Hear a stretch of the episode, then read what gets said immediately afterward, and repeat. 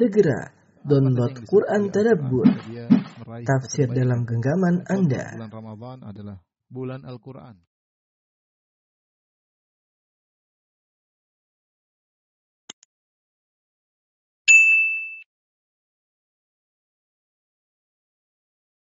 Bismillahirrahmanirrahim. Assalamualaikum warahmatullahi wabarakatuh.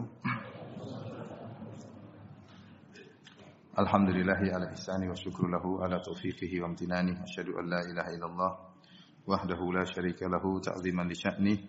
Wa asyhadu anna Muhammadan abduhu wa rasuluhu da'ila ridwani. Allahumma salli alaihi wa ala alihi wa ashabihi wa ikhwani. Para hadirin hadirat para jamaah salat tarawih Masjid Soleh Hawa yang dirahmati Allah Subhanahu wa taala. Kita melanjutkan bahasan kita dari uh, tafsir surat Hud. Kita masih pada ayat yang ketujuh pada bagian terakhir. Setelah Allah menjelaskan bahwasanya Dialah Allah yang menciptakan langit dan bumi dalam waktu enam hari dan arsnya di atas air untuk menguji kalian ayukum ahsanu amala mana di antara kalian yang paling baik amalnya setelah itu Allah berfirman wala in qulta innakum mab'utsuna min ba'dil mauti la yaqulanna alladziina kafaru in hadza illa sihrun mubin sungguhnya jika engkau uh, jika kamu berkata kepada penduduk Mekah wahai Muhammad jika kau berkata kepada mereka innakum mab'utsuna min ba'dil maut kalian benar-benar akan dibangkitkan setelah kematian. La yaqulanna alladziina kafaru maka sungguh-sungguh benar-benar orang-orang kafir akan berkata in hadza illa sihrun mubin ini tidak lain kecuali hanya sihir yang nyata jadi Allah Subhanahu wa taala menyebutkan setelah Allah menjelaskan bagaimana tentang sifat ilmu Allah tentang sifat kudrah Allah sebagaimana kita jelaskan pada pertemuan kemarin ya. Dan orang-orang kafir Quraisy mereka mengakui bahwasanya Allah adalah pencipta mereka dalam banyak ayat. Wala in man khalaqas samawati wal ard. Jika engkau bertanya kepada mereka siapakah yang mencipta, menciptakan langit dan bumi, la yaquluna Allah, maka mereka benar-benar berkata sungguhnya yang menciptakan langit dan bumi adalah Allah. Wala in sa'altahum man khalaqahum la Allah. Kalau engkau bertanya kepada mereka siapa yang menciptakan diri mereka, mereka akan menjawab Allah Subhanahu wa taala. Jadi mereka mengakui Maha Pencipta adalah Allah yang menciptakan langit, bumi, menciptakan diri mereka adalah Allah. Mereka mengakui ini hal yang ma'ruf bahkan kalau kita baca dalam buku-buku sirah betapa sering mereka bersumpah dengan nama Allah Subhanahu wa taala. Dalam Al-Qur'an juga wa aqsamu billahi jahda aymanikum. Taqasamu billah. Allah sebut dalam beberapa ayat bagaimana orang kafir mereka bersumpah dengan nama Allah Subhanahu wa taala. Bahkan di antara yang menakjubkan adalah uh, kisah Abu Jahal ketika akan perang Badar, dia berdoa ya. Dia berdoa, Allahumma ayyuna aqta' rahim wa atana bima lam na'rif ahinhul ghadat. Dia berdoa sebelum perang Badar, ya Allah, siapa di antara kami, aku atau Muhammad yang lebih memutuskan silaturahmi atau datang dengan perkara, perkara yang kami tidak ketahui, sebelumnya maka binasakanlah kami. Binasakanlah ia. Jadi Abu Abu Jahal berdoa kepada Allah agar membinasakan orang yang lebih memutuskan silaturahmi karena menurut orang-orang kafir Muhammad itu memutuskan silaturahmi. Karena dengan datangnya Muhammad SAW maka saudara saling bertengkar, ayah dan anak bertengkar, kerabat saling bermusuhan karena yang satu beriman yang satunya kafir.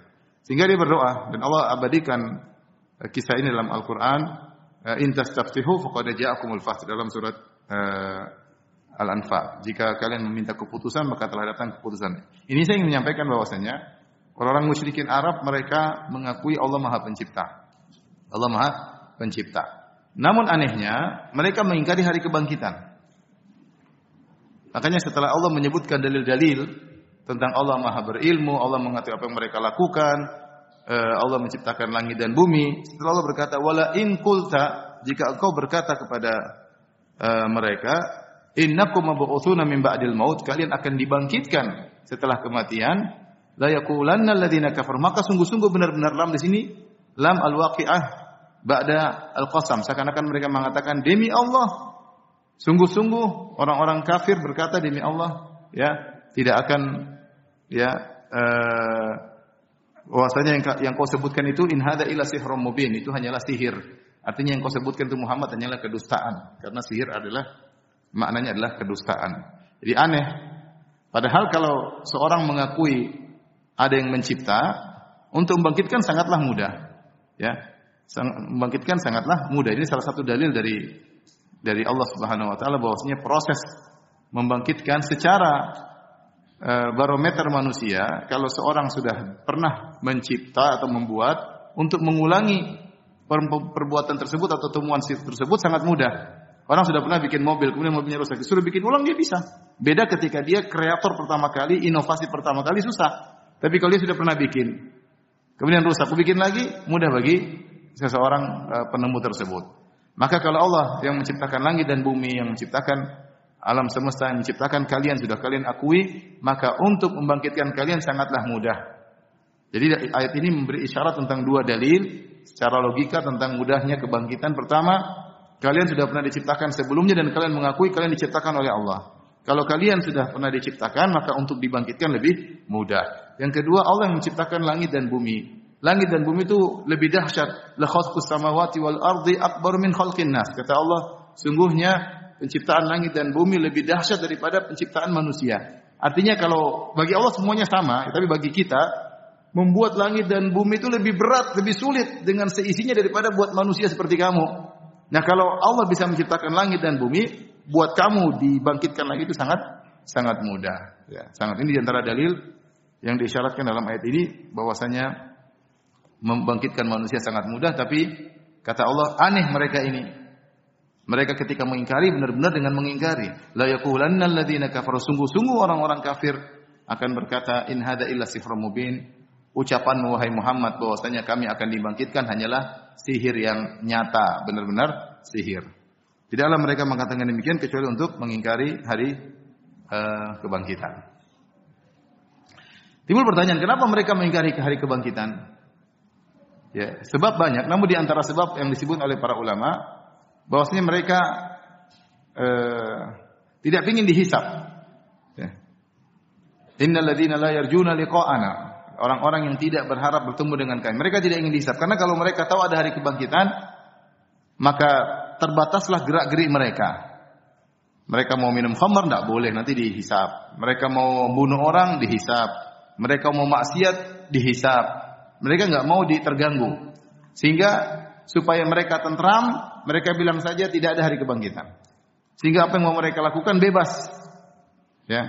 Jadi namanya pengingkaran karena ada hawa nafsu. Pengingkaran ada hawa nafsu. Dan ini mirip seperti orang-orang ateis yang muncul di zaman sekarang Sebenarnya orang-orang ateis itu ada beberapa model, di antaranya adalah ateis atifi. Yaitu yang ateis gara-gara dia tidak ingin terkekang. Dia mau minum khamar haram, Al-Quran bilang haram. Dia mau berzina haram. Dia mau nonton film-film gak benar haram. Dia mau joget-joget haram. Dia mau musik haram. Tuhan gak ada lah. Kalau Tuhan ada bikin saya setengah mati hidup. Akhirnya dengan karena keingin keinginan dia bebas, dia bilang Tuhan tidak ada. Ini namanya dia ateis gara-gara sebab hawa nafsunya. Jadi hawa nafsu itu membuat membentuk suatu akidah, membentuk suatu keyakinan. Merajihkan memilih akidah tertentu gara-gara sepakat dengan hawa nafsunya, sepakat dengan uh, hawa nafsunya. Seperti sebagian orang, sebagian orang misalnya ketika kita bicara tentang hukum uh, muamalah tertentu, riba atau tidak, dia lebih cenderung boleh. Kenapa? Karena dia sendiri praktisi muamalah tersebut. Dia praktisi muamalah tersebut sehingga dia bilang haram berat, dia, dia pilih yang halal. Kenapa ada hawa nafsu membuat dia memilih salah satu pendapat yang cocok dengan keinginannya. Sama seperti sebagian orang ketika kita bilang musik itu haram, dia nggak mau. Bilang ijma ulama, nggak mau. Kenapa? Masih ada yang bilang boleh kok. Bukan karena dia lihat dalil, bukan karena dia lihat sanad, bukan, tapi lebih cocok kepada keinginan dia karena dia suka apa? Musik, sehingga dia milih pendapat tentang bolehnya. Nah, jadi hawa nafsu mempengaruhi keyakinan seseorang. Orang-orang musyrikin pun demikian ketika mereka ingin bebas, tidak ada yang uh, mengekang perbuatan mereka. Bersaat mereka merasa kalau ada hari kebangkitan seakan-akan berat, akhirnya mereka lebih memilih tidak ada hari kebangkitan sehingga mereka bisa bebas dalam melakukan apa yang mereka kehendaki. Kenapa tradisi mereka sudah mereka tinggalkan? Apa tradisi orang-orang musyrikin? Main judi, khamar, zina, ya. Itu tradisi mereka, ya. Sulit untuk mereka uh, tinggalkan. Tapi kita lanjutkan ayat berikutnya, ayat ke-8.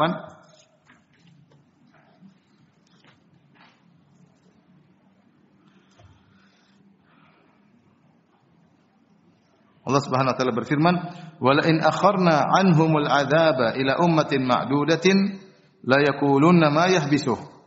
Dan sungguhnya jika kami kami maksudnya Allah Subhanahu wa taala ya. E, kami ya, dalam bahasa Arab di antara bentuk adalah untuk pengagungan, untuk apa? Pengagungan. Sama seperti bahasa Indonesia ya.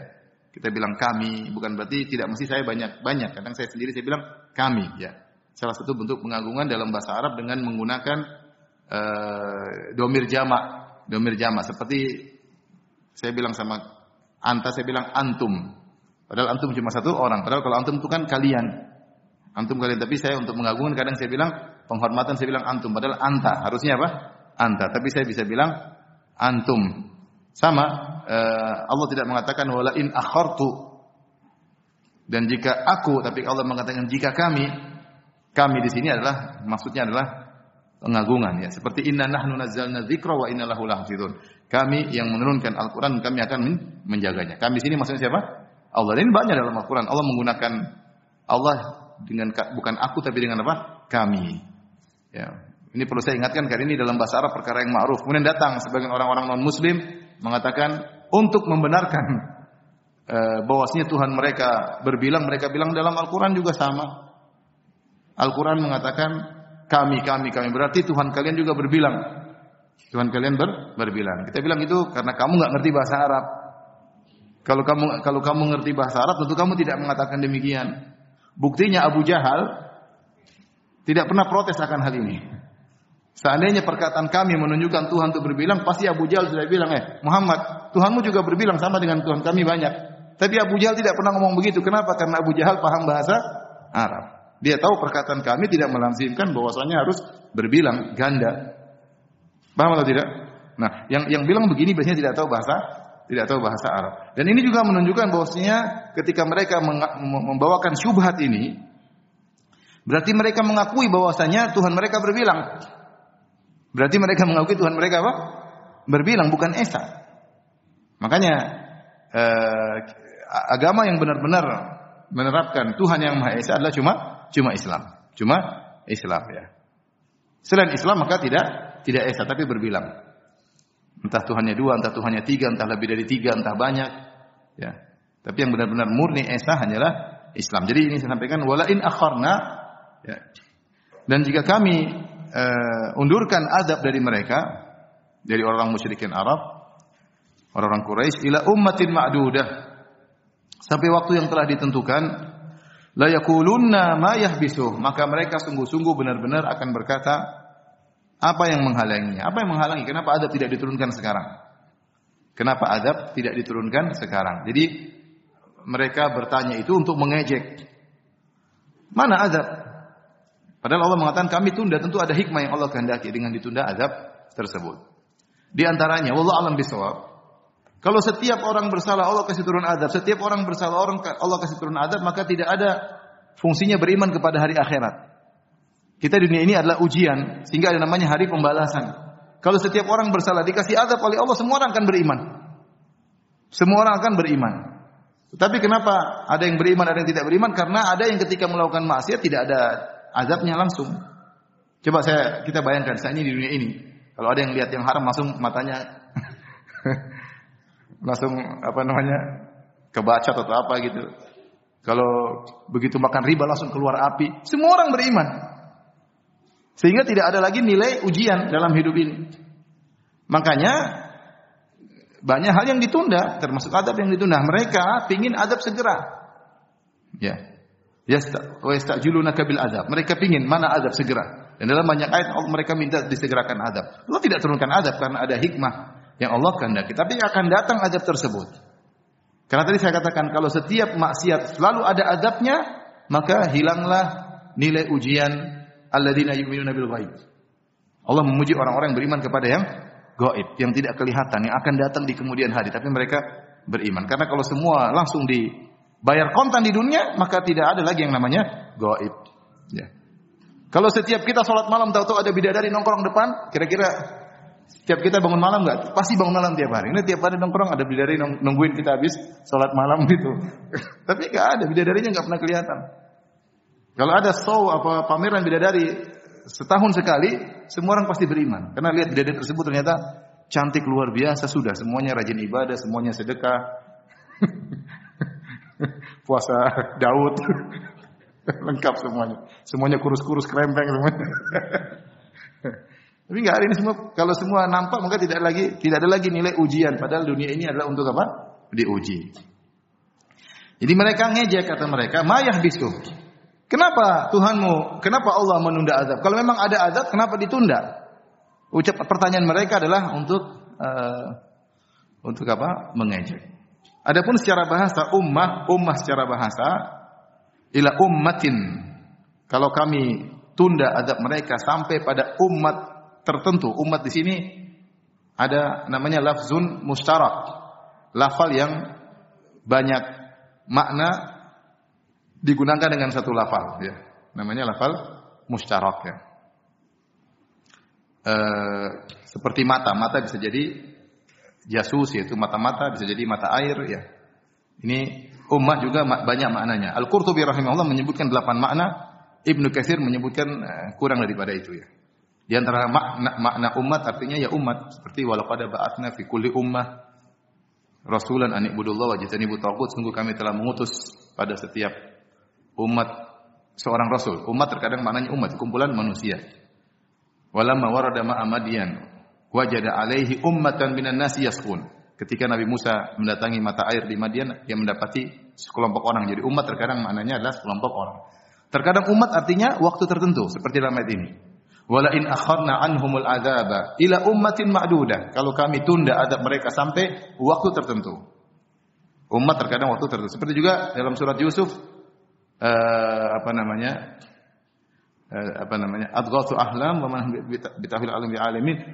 Wa qala alladhi naja minhuma waddakara ba'da ummatin ana unabbiukum bi ta'wilihi farsilun. Maka berkatalah orang yang selamat dari penjara Ba'da waddakara ba'da ummatin. Dia ingat setelah umat. Dia setelah tujuh tahun baru dia ingat. Umat maknanya adalah waktu. Ini contoh waktu tertentu. Umat terkadang artinya adalah kudwah.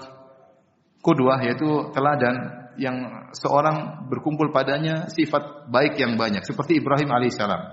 Allah berfirman, Inna Ibrahim kana ummatan qanitan lillah. Sungguhnya Ibrahim adalah umat, padahal dia sendirian. Umat itu maksudnya kudwa. Kenapa Ibrahim dikatakan umat padahal dia sendirian? Karena terkumpul pada dia banyak kemuliaan yang terpencar pada banyak orang. Jarang orang seperti ini. Dia satu tapi sifat baiknya banyak sekali terkumpul pada dia. Makanya disebut dengan apa? Ummah. Ini di antara makna-makna ummah. Ada delapan makna disebutkan oleh Qurtubi dalam tafsirnya. Adapun umat di sini maksudnya waktu. Jika kami tunda adab mereka sampai Waktu tertentu mereka sungguh-sungguh berkata, "Mayah bisu." Kenapa Allah tunda adab? Perkataan pertanyaan mereka ini dalam rangka bukan untuk bukan sekedar untuk minta disegerakan, tapi untuk mengejek. Artinya apa? Mereka yang mengatakan tidak ada hari kebangkitan, bohong. Buktinya apa? Buktinya adab tidak Allah turunkan. Allah tidak turunkan, tidak ada adab, berarti tidak ada hari kebangkitan. Mereka jadikan ini dalil untuk menolak adanya hari kebangkitan, sehingga ini adalah ejekan.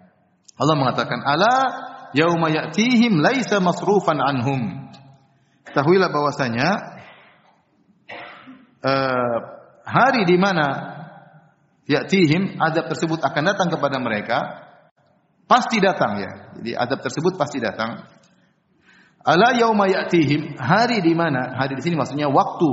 Waktu di mana adab tersebut mendatangi mereka, laisa masrufan anhum, maka adab tersebut tidak bisa dipalingkan dari mereka, pasti mengenai mereka. Pasti mereka. Jadi tunggu saja, kata Allah tunggu saja. Pasti akan datang adab menimpa kalian dan kalian tidak bisa adab tersebut tidak bisa dipalingkan dari kalian. Wa haqa bihim makanu bihi yastahzi'un.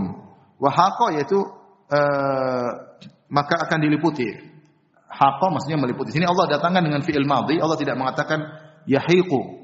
Tapi Allah mengatakan haqa. Haqa itu fi'il madhi, artinya past tense. Padahal Allah berbicara tentang masa depan, harusnya apa? Present tense ya, masa depan. Harusnya Allah mengatakan akan akan datang adab tersebut dan tidak akan bisa dipalingkan dari mereka dan akan meliputi mereka. Tapi Allah tidak mengatakan dengan present tense dengan fi'il mudhari akan meliputi mereka, tapi Allah menggunakan fi'il madhi Artinya haqqo artinya dan adab tersebut telah meliputi mereka. Menggunakan telah, pas. Kata para ulama ini metode usul bahasa Arab untuk menunjukkan ke, pasti terjadi seakan-akan telah terjadi padahal belum terjadi. Jadi terkadang Allah mengungkapkan sesuatu perkara masa depan dengan fi'il madhi dengan past tense. Tujuannya apa? Untuk menunjukkan bahwa itu pasti ter, terjadi seakan-akan telah terjadi. Paham tidak? Atau enggak paham? Enggak apa-apa enggak paham. Wa bihim maka makanu bihastahzi'un dan azab akan meliputi mereka adab tersebut atas apa yang mereka ejek sebelumnya ketika di dunia. Jadi mayah bisu, kapan adab datang, kenapa terlambat, ini ejekan. Makanya Allah sebutkan makanu bihi yastahziun. Pertanyaan mereka kapan adab datang, apa yang menghalangi Allah turunkan adab, itu sebenarnya hakikatnya adalah ejekan. Dan ejekan tersebut akan ada adabnya. Ya Allah tidak bicara tentang adab yang lain. Di sini Allah bicara wa haqa bihi makanu bihi mereka akan diliputi azab akibat ejekan mereka tersebut. Belum dosa-dosa yang lain. Ini baru sekedar ejekan tersebut bisa menimbulkan adab yang spesifik akibat ejekan mereka. Karena Allah Maha Adil ketika Allah mengadab secara detail. Orang yang bermaksiat sedikit tidak sama dengan bermaksiat yang yang banyak ya. Oleh karena Firaun dalam Al-Qur'an Allah mengatakan uh, apa namanya? Nakal al-akhirati wal ula. Maka kami pun siksa Firaun dengan siksaan pertama, yang terakhir dan yang pertama. Dua siksaan. Disebut oleh para ulama karena dua kesalahan yang dia lakukan. Jadi Allah ketika mengadab Fir'aun pun detail ya. Detail. Ada yang mengatakan pertama dia mengatakan uh, apa namanya? Uh, saya adalah Tuhan kalian. Alaysa li mulku Misr wa hadhihi al-anharu tajri min. Saya adalah Tuhan kalian apa apakah ada ilahin ghairi apakah ada Tuhan selain aku aku yang menguasai kota Mesir ini. Ketika dia mengaku dia adalah Tuhan dari penduduk Mesir ada adabnya sendiri. Ketika kesombongannya semakin meninggi dan dia mengatakan a'la aku adalah Tuhan yang paling tinggi. Kalau ada Tuhan-Tuhan yang lain aku yang paling tinggi. Kesombongannya meninggi maka dosanya ada lagi yang lain. Ada hukumannya juga yang yang lain. Jadi Allah menghukum secara detail tapi selanjutnya kita bacakan ayat yang sembilan. Wala in adzaqna al-insana minna rahmatan thumma naza'naha minhu innahu la ya'usun kafur. Dan jika kami rasakan kepada manusia suatu rahmat itu nikmat thumma naza'na min kemudian kami cabut nikmat tersebut, rahmat tersebut darinya. Innahu la ya'usun kafur, maka dia pun menjadi sangat berputus asa dan sangat ingkar. Ayat yang ke-10, "Wala in adzaqnahu na'ma ba'da dharra'a" dan jika kami merasakankan kepadanya kenikmatan setelah penderitaan yang menyentuhnya, la yaqulanna dhahaba sayyatu anni. Maka sungguh-sungguh dia akan berkata, manusia tersebut berkata, "Dhahaba sayyatu an sayyi'atu anni." Eh, bencana-bencana tersebut telah hilang dariku. Innahu la farihum fakhur.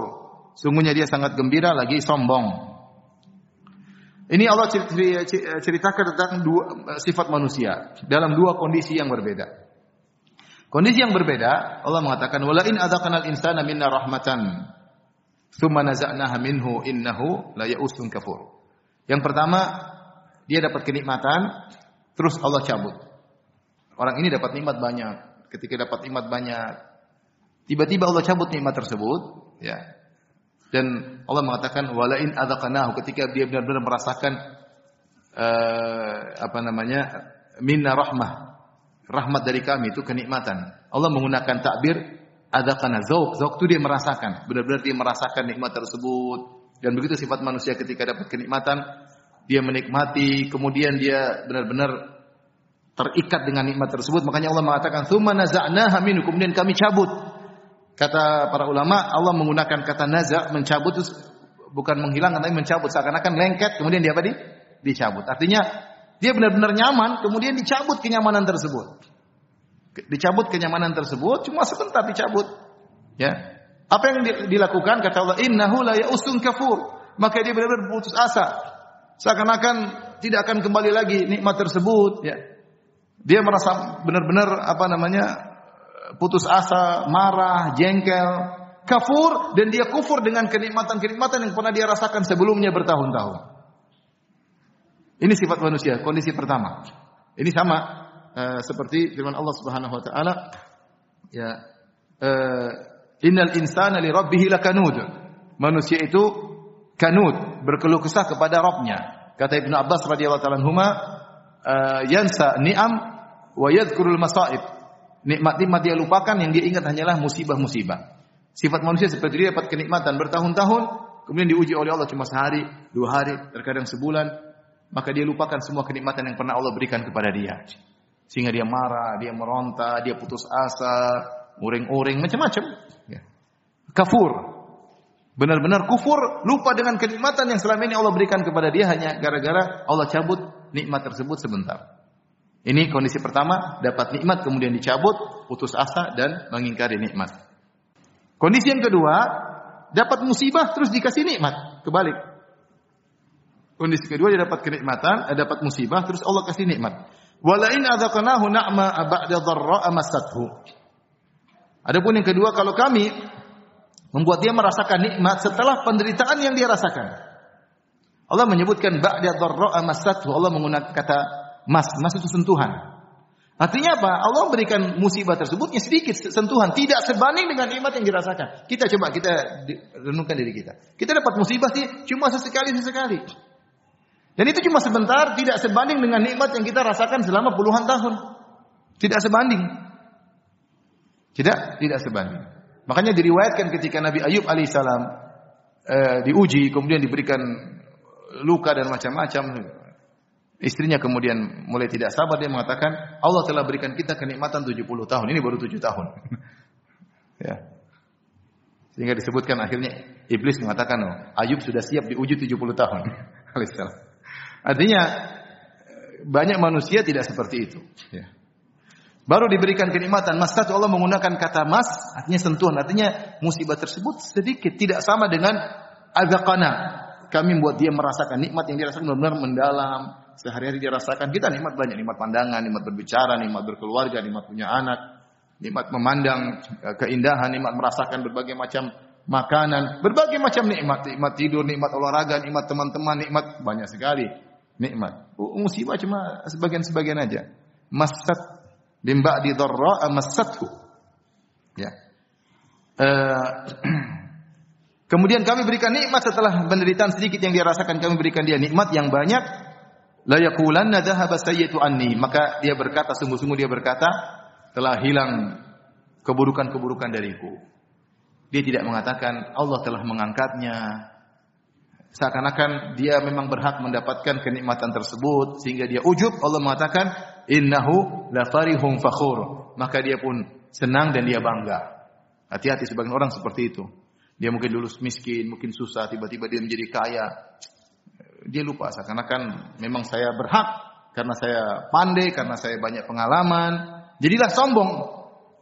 Kenapa orang sombong? Karena sebelum sombong dia ujub. Jadi ujub adalah dosa sebelum sombong. Apa itu ujub? Merasa bahwasanya nikmat yang dia dapatkan karena dirinya. Tapi kalau seorang tahu semua ini karena Allah, saya ini tidak cuma melakukan sebab tapi tidak ada andil dalam keberhasilan saya, maka dia tidak akan ujub. Kalau dia tidak ujub, dia tidak sampai pada derajat sombong. Tapi sebelum dia sombong, biasanya dia ujub dulu. Merasa karena saya hebat. Karena saya begini, maka saya bisa dapat keberhasilan, saya bisa jago, saya bisa kaya, saya bisa pintar, saya bisa berhasil, saya bisa dikenal orang, saya bisa... Ah, ketika dia merasa dia hebat, mulai naik dari derajat ujub menuju derajat apa? Sombong. Sombong apa? Gomtun nas, merendahkan orang lain. Kapan dia mulai merendahkan orang lain, maka dia pun sombong. Ini yang menimpa terjadi pada orang ini. Tadinya dia mendapatkan penderitaan, Allah berikan dia kenikmatan, kemudian dia pun menjadi senang dan sombong. Nah, manusia banyak yang seperti ini. Dua tadi dua model, ya. Pembahasan yang paling bagus pembahasan Ibnu Taimiyah rahimahullah taala. Ada buku ini buku judulnya Tafsir Syekhul Islam Ibnu Taimiyah ya, dikumpulkan oleh uh, bin Abdul Latif ya. Jadi dia orang ini dia kalau enam jilid saya punya enam jilid dia mengumpulkan seluruh pernyataan Ibnu Taimiyah terkait dengan tafsir-tafsir ayat. Ibnu Taimiyah tidak punya buku tafsir. Ibnu Taimiyah rahimahullah tidak punya buku tafsir. Tapi kalau dia sudah bicara tentang tafsir, bicaranya sangat mendalam.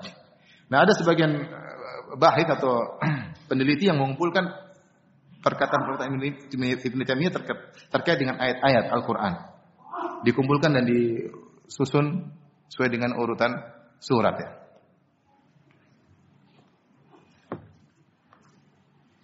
Saya bacakan berkat Ibnu Taimiyah rahimahullah taala, fa akhbara tentang ayat 10 dan ayat 11 ini.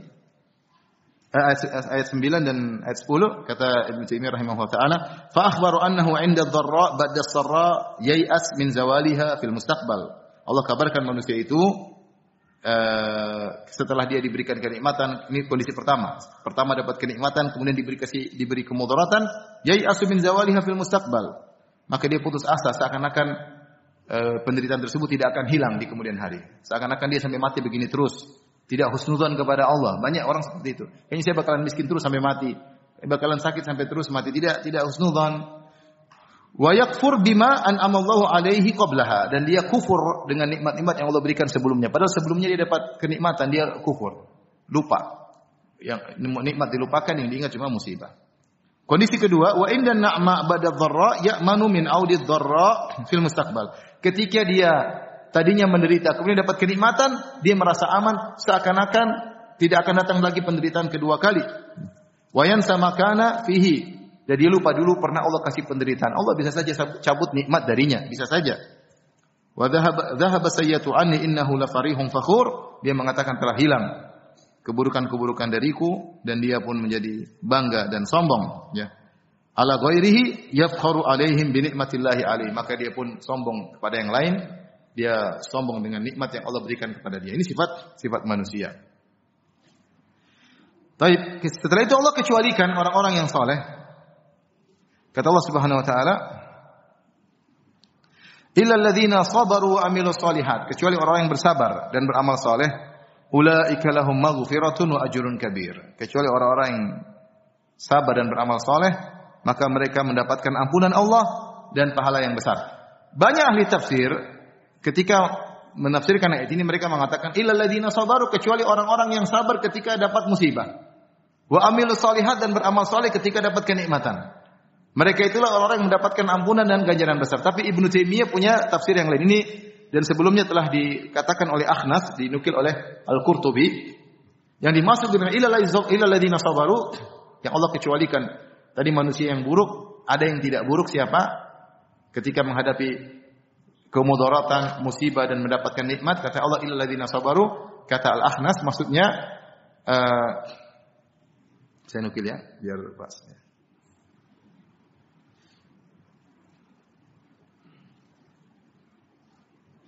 Akhfas berkata Al-Akhfas berkata Al-Akhfas huwa istisna'un laysa min al-awwal ay lakin alladziina sabaru wa amilu salihat fi halatain ni'mah wal mihnah kata Al-Akhfas ini sebelum Ibnu Taimiyah dan pendapat ini diikuti oleh Syekh Islam Ibnu kecuali orang-orang yang sabar dan beramal soleh dalam dua kondisi. Jadi sabarnya bukan cuma ketika dapat musibah, tapi sabar juga dalam kenikmatan. Setelah Allah menyebutkan dua kondisi manusia yang buruk, Allah mengecualikan kecuali orang yang bersabar. Maksudnya apa? Sabar dalam keburukan dan dalam kenikmatan. Paham? Kebanyakan ahli tafsir mengatakan sabar dalam keburukan, beramal soleh dalam kenikmatan. Ibnu Taimiyah punya pendapat lain dan ini pendapat Akhfas. Sabar dalam keburuk dalam musibah dan sabar dalam kenikmatan, beramal soleh dalam musibah dan beramal soleh dalam apa? Kenikmatan. Paham? Bisa dibedakan? Ya. Uh, saya bacakan Ibnu Taimiyah rahimahullah taala. Waqad wasafa al-mu'minin Allah telah mensifati orang beriman bi annahum sabiruna fil ba'sa'i wadh-dharra wa hinal ba's was-sabiruna fil na'ma aidan. Allah telah mensifati orang beriman yang mereka bersabar dalam penderitaan, dalam kesulitan. Demikian juga orang-orang sabar dalam kenikmatan. Bi qoulihi ta'ala illa alladziina sabaru wa amilus shalihat. Kecuali orang yang bersabar dan beramal saleh nikmat juga butuh kesabaran. Wasabru fi sarra'i qad yakunu asyad kata Ibnu Taimiyah rahimahullah taala dan kesabaran dalam kenikmatan terkadang lebih berat daripada kesabaran dalam musibah. Walihada qala man qala minas sahabah oleh karenanya sebagian sahabat ada yang berkata ubtulina bidzarra fasabarna. Kami diuji dengan penderitaan dan kami bersabar. Wabtulina bisarra falam nasbir. Ketika kami diuji dengan kenikmatan-kenikmatan kami tidak sabar. Wa kana Nabi sallallahu alaihi wasallam yasta'idu billah min fitnatil faqr wa syarri fitnatil ghina. Rasulullah wasallam pernah berlindung kepada Allah dari keburukan fitnah kemiskinan dan fitnah kekayaan. Dua-dua punya fitnah. Wa qala li ashabi, Rasulullah pernah berkata kepada para sahabatnya, "Wallahi mal faqru akhsha alaikum." Demi Allah bukanlah kemiskinan aku khawatirkan menimpa kalian. Walakin akhafu an tubsata alaikumud dunya kama busitat ala man kana qablakum. Yang aku khawatirkan dunia dibukakan bagi kalian sebagaimana dibukakan oleh umat bagi umat-umat sebelum kalian. Fatanafasu fiha kama tanafasu fiha. Lantas kalian berebut-rebutan dunia sebagaimana umat terdahulu berebut-rebutan dunia. Wa tuhlikukum kama ahlakathum dan akhirnya dunia membinasakan kalian sebagaimana dunia telah membinasakan orang-orang sebelum kalian. Jadi sabar ternyata bukan cuma pada kondisi penderitaan. Ya, demikian dalam kondisi kenikmatan sabar ya. Sabar tidak sombong, sabar tidak ujub, sabar tidak pamer. Ya, ini juga butuh apa? Kesabaran. Sabar tidak untuk menggunakannya dalam kemaksiatan. Sabar tidak boros-boros uang tersebut. Ya, dan tadi subhanallah kata para sahabat kami diuji dengan kemiskinan dan demikian banyak orang seperti itu ketika dia miskin dia lebih dekat kepada Allah. Ketika dia diberi kekayaan dia lupa sama Allah Subhanahu wa taala lupa. Sombong angku, punya style kehidupan yang baru ya, ya. Ya, lifestyle yang baru kemudian begitulah, lupa diri. Itu banyak terjadi. Lupa diri, lupa lautan, lupa daratan. Makanya Rasulullah SAW khawatir dunia dunia ini punya fitnah tersendiri. Ya. Uh, Kemudian juga wa amilu solihat beramal soleh. Dalam penderitaan kita butuh beramal soleh, amal solehnya sabar, amal solehnya husnudon kepada Allah, tawakal kepada Allah Subhanahu wa taala. Dan dalam kenikmatan lebih lagi beramal soleh, uang yang ada digunakan untuk beribadah, untuk umroh, untuk haji, untuk sedekah, ya, untuk berbakti sama orang tua, untuk berbuat baik kepada tetangga, banyak uang yang Allah berikan kepada kita bisa kita gunakan untuk beribadah, beramal soleh pada Allah Subhanahu wa taala dan bukti terbaik dari bersyukur adalah beramal saleh. Makanya Allah berfirman, "I'malu ala Dawud syukran." Wahai keluarga Daud maksudnya Sulaiman, beramalah engkau sebagai bentuk syukur kepada Allah. Ya karena Sulaiman diberi nikmat terlalu banyak. Maka Allah ingatkan, beramalah engkau Sulaiman sebagai bentuk syukur kepada kepada Allah. Maka Nabi Sulaiman berdoa, "Rabbi auzi'ni an ashkura nikmataka allati an'amta alayya." Sulaiman berdoa alaihissalam, "Ya Allah, ilhamkanlah kepadaku untuk bisa mensyukuri nikmat yang kau berikan kepadaku." Ya. Ya. Makanya Nabi SAW di antara bukti seorang bersyukur adalah banyak beribadah. Nabi SAW beribadah sampai kakinya bengkak. Ketika ditanya, Rasulullah SAW mengatakan, Afala nu abdan syakuran. Kenapa aku tidak menjadi hamba yang pandai bersyukur? Jadi, omong kosong. Ada orang bilang, saya pandai bersyukur tapi malas ibadah. Bukti nyata kalau anda bersyukur adalah rajin ber, beribadah. Demikian, demikian. Wabillahi taufiq Assalamualaikum warahmatullahi wabarakatuh.